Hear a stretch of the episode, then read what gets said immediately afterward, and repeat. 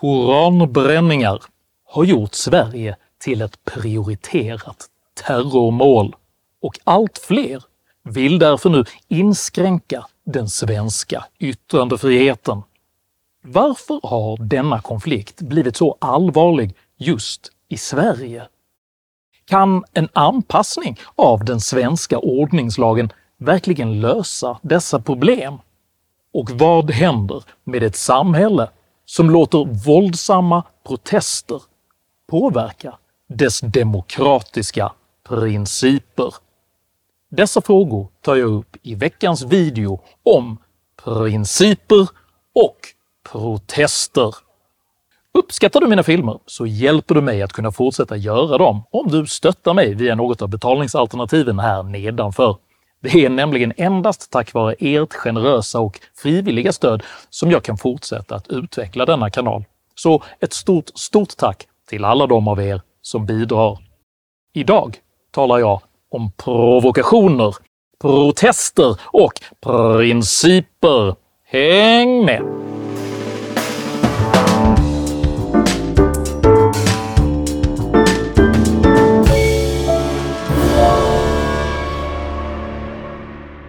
Ordet princip kommer från latinets princeps, vilket betyder “den som kommer först” eller “ledare”. Begreppet princip beskriver således ett värde som är primärt och vägledande. För att principernas vägledande roll ska kunna upprätthållas är det viktigt att de accepteras som allmängiltiga och därför överordnas subjektiva meningsskiljaktigheter. Den som vill försvara principen att kvinnor bör få klä sig som de vill kan till exempel varken tvinga kvinnor att bära vissa plagg eller förbjuda dem från att göra det.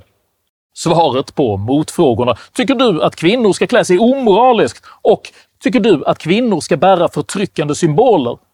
är således ingetdera, eftersom den överordnade och vägledande principen är att kvinnorna måste få bestämma själva. Den som inte accepterar detta förkastar självbestämmandeprincipen och öppnar på ett rent principiellt plan möjligheten för alla möjliga typer av klädkrav och klädförbud.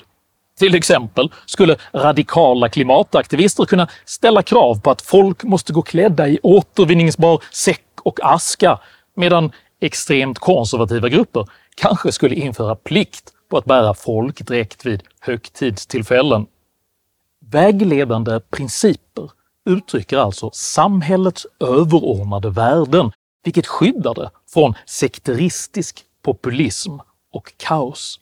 Av precis denna anledning måste även principen om yttrandefrihet försvaras både mot de som vill förbjuda koranbränningar och mot de som vill förbjuda själva Koranen. De senaste veckornas koranbränningar har satt just denna fråga i blixtbelysning, och de principiella konflikterna är lika många som djupgående. Ja, nu ikväll fördömer 57 muslimska länder i Islamiska samarbetsorganisationen koranbränningar i både Sverige och Danmark. Organisationen kräver att länderna vidtar åtgärder för att hindra fler skändningar som de kallar för kriminella handlingar. Finns det någon förståelse för att det är lagligt att bränna religiösa skrifter här? Nej, tvärtom. Utan det är brottsligt i många av de här länderna att skända heliga skrifter. Så från deras perspektiv ser de det som en självklarhet att det ska vara förbjudet i andra länder också. Det är dock ingen självklarhet att de regler du själv föredrar även nödvändigtvis ska gälla för andra människor. Och oviljan att tolerera andra perspektiv röjer en i grunden auktoritär syn på både religion och yttrandefrihet. Och idag så skedde ytterligare en skändning utanför riksdagshuset. Hur ser du på det? Det äggar upp eh, de krafter som vill gå ännu hårdare fram. Hizbollah-ledaren Hassan Nasrallah som gick väldigt hårt fram och sa att om, i, eh, om den här organisationen inte vidtar lämpliga åtgärder så ska man gå vidare med att ta lagen i egna händer. Mer oroväckande är att denna intoleranta syn på yttrandefriheten även åtnjuter ett växande stöd här i Sverige. Reaktionerna kring koranbränningarna har varit starka utomlands. Men det finns även en utbredd upprördhet bland muslimer här i Sverige. Är det egentligen yttrandefrihet när man kränker människornas identitet? Det här är ett sätt att spotta på en vanlig människa som promenerar. Man säger yttrandefrihet. Det här är inte yttrandefrihet. Det här är hets mot folkgrupp. Jag är inte emot yttrandefrihet, men det här är inte yttrandefrihet. Och den här åsikten, det är inte bara jag som har det här. Det finns vanliga svenska folket som är icke-muslimer som har samma åsikt som jag.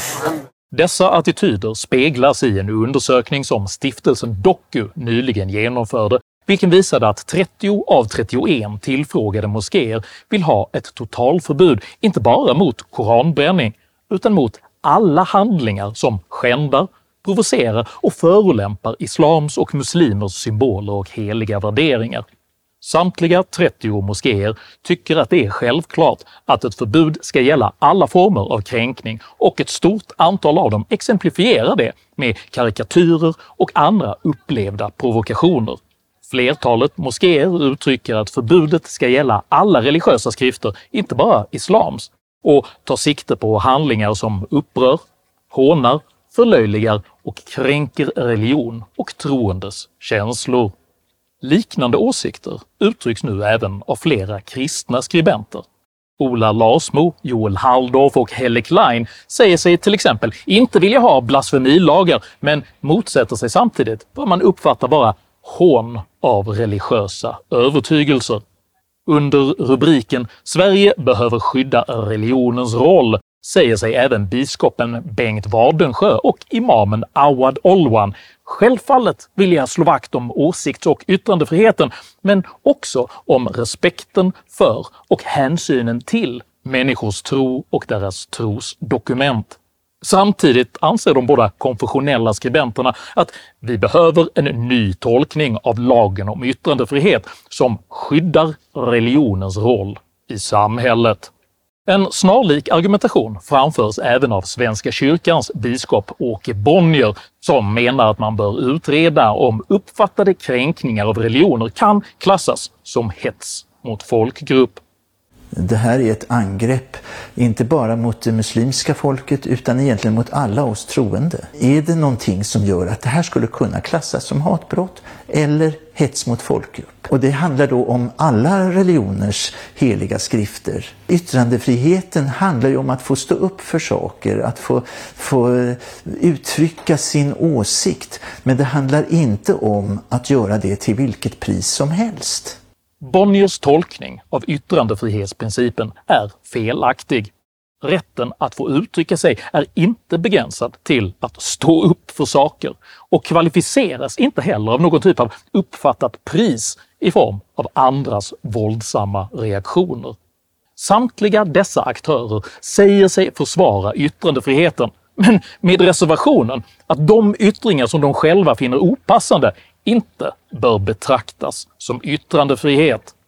Detta gör det berättigat att fråga exakt vem dessa debattörer anser ska avgöra vad som är legitim kritik och vad som ska betraktas som hets. Är det kyrkorna? Moskéerna? Eller är det kanske artikelförfattarna själva som avser upprätta någon form av kränkningsråd som hädanefter ska granska texter och demonstrationers innehåll innan de tillåts nå allmänheten? Försöken att runda denna betydande gränsdragningsproblematik illustreras nu av de allt mer fantasifulla försöken att göra uppbragta muslimer till viljes rent praktiskt, samtidigt som yttrandefriheten ska upprätthållas på ett rent nominellt plan. Ett exempel på detta är hur statsvetarprofessorn Bo Rothstein argumenterar för ett förbud mot att bränna alla typer av böcker vilket i sin tur öppnar nya gränsdragningsproblem rörande vad en bok egentligen är. Räknas bilderböcker som böcker? Räknas seriealbum, pamfletter, broschyrer, flyers? Bryter jag mot lagen om jag skriver ner ett par bibelverser på en servett och bränner den i ett politiskt syfte? Hur ska e-böcker och ljudböcker behandlas? Bör det räknas som hets mot folkgrupp att lägga in Koranen på ett USB-minne och sedan bränna det? Regeringen försöker nu balansera terrorhot och yttrandefrihet genom att undersöka anpassningar av ordningslagen. I Sverige överväger nu alltså regeringen om en ändring av ordningslagen skulle vara lämplig och möjlig och hur den i så fall skulle gå till. Det handlar alltså inte om att inskränka yttrandefriheten utan det är i så fall bredda prövningen av tillstånd för allmänna sammankomster så att ett bredare säkerhetsperspektiv än bara det allra mest lokala kan göra sig gällande. Utrikesminister Tobias Billström skriver i ett brev till den muslimska samarbetsorganisationen OIC Svenska Polismyndigheten ger tillstånd till offentliga sammankomster som demonstrationer. Den ger inte tillstånd att bränna den heliga Koranen eller någon annan helig text. I ljuset av detta vill jag understryka att den svenska justitieministern nu ser över den svenska ordningslagen. Dessa smått skärrade försök att placera yttrandefrihetsinskränkningarna under ordningslagen är även de behäftade med stora problem, vilka sammanfattas väl av juridikprofessorn Joakim Nergelius. Som kriterium för att vägra demonstrationer så är just det här med hot mot rikets säkerhet väldigt problematiskt. Därför att det finns ju flera olika eh, situationer än den som råder just nu som skulle kunna innebära hot mot rikets säkerhet. Även definitionen av hot mot rikets säkerhet öppnar nämligen upp för godtycklighet rörande hur yttrandefrihets och demonstrationsfrihet fungerar i Sverige. Till exempel skulle demonstrationer till Ukrainas försvar kunna olagligförklaras med hänvisning till att hotbilden från Ryssland ökar. Prideparaden skulle kunna olagligförklaras med hänvisning till att risken för terrorhot från militanta homofoba grupperingar ökar och en framtida klimatfascistisk regering skulle kunna olagligförklara all kritik av klimatpolitiken med hänvisning till att detta på något sätt skulle leda till världens undergång. Istället för att bedöma ordning och, säkerhet vid själva sammankomsten ska man plötsligt bedöma om ett visst syfte är legitimt eller inte och kan hota rikets säkerhet. Det är en helt annan, mer större politisk fråga som kanske inte ens polisen är lämpad för att ta ställning till riksdag och regering ska kanske inte visa att man eh, böjer sig för eh, väldigt eh, högljudda krav, hot och så vidare. Det är helt enkelt svårt att inte glida neråt när man väl har ställt sig på ett sluttande plan.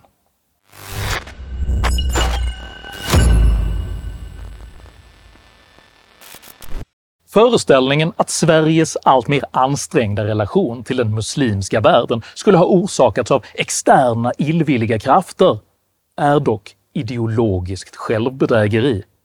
För detta är ingen kris, utan det pris som Sverige betalar för decennier av misslyckad migrations och integrationspolitik. Sverige har under lång, lång tid tagit emot hundratusentals människor från auktoritära och teokratiska kulturer, som dessutom försetts med stora mängder skattemedel för att inte behöva anpassa sig till det svenska majoritetssamhällets normer. Detta har sanktionerats av flera generationer politiker som dessutom självutplånande bett om ursäkt så fort någon påstått sig vara kränkt. Den svenska synen på den muslimska världen har länge präglats av ett postkolonialt perspektiv där man ängsligt valt att tolka även diktatur, våld och förtryck som en del av en främmande kultur som måste respekteras. Den demokratiska rättsstaten Israel har samtidigt löpande attackerats av svenska politiker medan man uttryckt närmast obegränsad tolerans mot auktoritära länder som Iran, Irak, Jordanien, Egypten och Saudiarabien. Den svenska regeringsdelegation som under ett besök i Iran accepterade förtryckets slöjor som feministiskt toleransarbete uttrycker precis denna postkoloniala begreppsförvirring. I Sverige har detta beteende historiskt speglats i benägenheten att avfärda allt från hedersförtryck till klanmentalitet som rasistiska vanföreställningar, samtidigt som man okritiskt glorifierat all form av invandring. En sån där motsatsernas dynamik i detta tidigare så enhetliga svenska samhälle. En friktionsyta uppstår förvisso, men det är denna motsatsernas fredliga dynamik som i mitt sätt att se betyder oerhört mycket för att vitalisera det svenska samhället. Hallå, nu tycker jag att vi gemensamt i denna sal sjunger We shall overcome. Samma typ av självutplånande migrationspanegyrik speglades år 2002 i Mona Sahlins aningslösa avfärdande av svenska traditioner som töntiga, medan invandrare tillskrevs en identitet, en historia och någonting som band ihop dem. Denna attityd upprepades år 2006 när den nytillträdde moderate statsministern Fredrik Reinfeldt avfärdade ursvenskhet som barbari och generaliserande påstod att all utveckling kommit utifrån. 2011 överträffades dock alla tidigare migrationsambitioner av den dåvarande centerpartiledaren Annie Lööf som i Sveriges Televisions Agenda framhöll en invandring på 30 miljoner individer som fullt rimlig. Så att 40 miljoner invånare i Sverige, det, det kan du tänka dig? En invandrare som kommer få arbete och komma in och integreras. Då kan man nå de här siffrorna. Jag tycker det är viktigt att diskutera värdegrunden här och då handlar det om en öppenhetlig linje och en frihetlig linje. Strax efter detta undertecknades migrationsöverenskommelsen med Miljöpartiet där man fastslog att Sverige skulle betala för sjukvård och skola även för personer som befann sig i landet olagligt. Under den efterföljande migrationskrisen inskärpte myndigheten Forum för levande historia en sista gång att Sverige saknade inhemsk kultur. Vi som sitter här idag, vi är en konsekvens av den kulturhistoria, det sätt att leva, som invandringen till Sverige har burit med sig.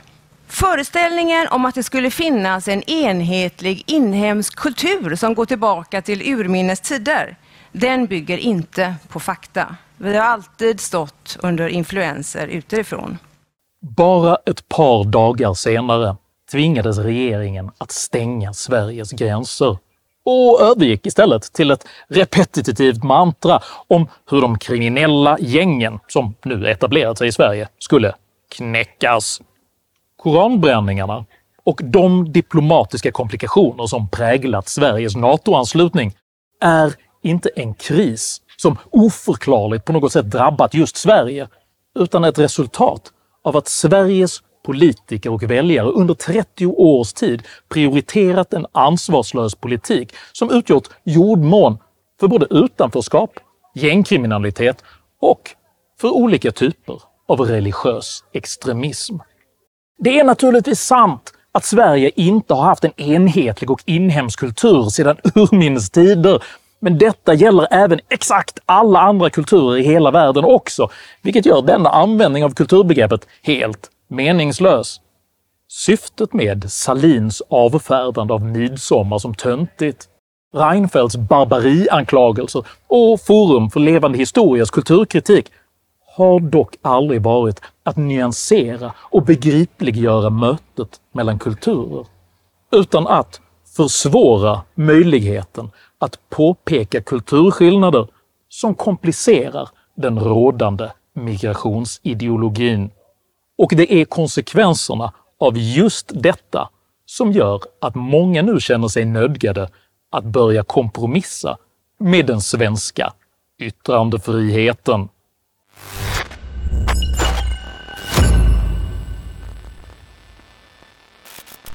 En svensk tiger löd parollen för den svenska vaksamhetskampanjen som bedrevs under beredskapstiden. Syftet var att mana svenska folket till tystnad om allt som kunde skada Sverige under andra världskriget.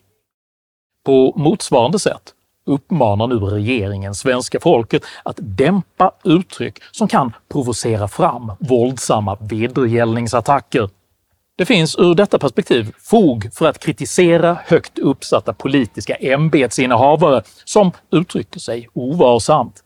Men den hetska kritik som riktats mot justitieutskottets ordförande Richard Jomshof handlar inte huvudsakligen om att han skulle ha fel, utan om att han befaras riskera Sveriges säkerhet.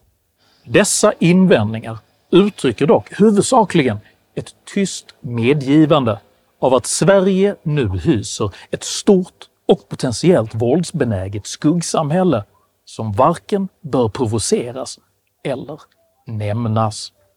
Detta etablerar en ny princip. Att den som hotar med våld kan tillåtas styra vad svenskar får säga. Att regeringen nu ser över yttrandefriheten för att försvara friheten riskerar att ytterligare tippa det redan sluttande plan som decennier av oansvarig politik bidragit till att skapa. Ingenting tyder heller på att en mindre inskränkning av rätten att bränna religiösa skrifter skulle dämpa färden ner längs detta sluttande plan, vilket uttrycktes både poetiskt och ödesmättat av dokujournalisten Sofie Lövenmark. Om vi bara tagit pennorna och penslarna från Vilks. Om vi bara förbjuder Paludan, om vi bara hänger ner ett foto av Elisabeth Wallin, om bara Parti inte visat karikatyren och om bara Theo van Gogh inte gjort filmen. Om Charlie Hebdo inte. Om Rushdie inte bara. Om bara ingen. Aldrig. Detta är skillnaden på principer och protester. Om du uppskattade innehållet i denna video så hjälper det mig mycket om du delar den med dina vänner och kanske till och med stöttar mitt arbete via något av betalningsalternativen här nedanför. Dela även gärna med dig av dina egna åsikter och erfarenheter i kommentarsfältet här nedanför, men jag ber dig att alltid vara artig. Jag accepterar inte aggression, personpåhopp eller rasism i mina idédrivna kommentarsfält. Tack för att du som kommenterar respekterar detta. Jag heter Henrik Jönsson och jag anser att frihetliga principer inte bör anpassas efter auktoritära protester. Tack för mig och tack för att du har lyssnat.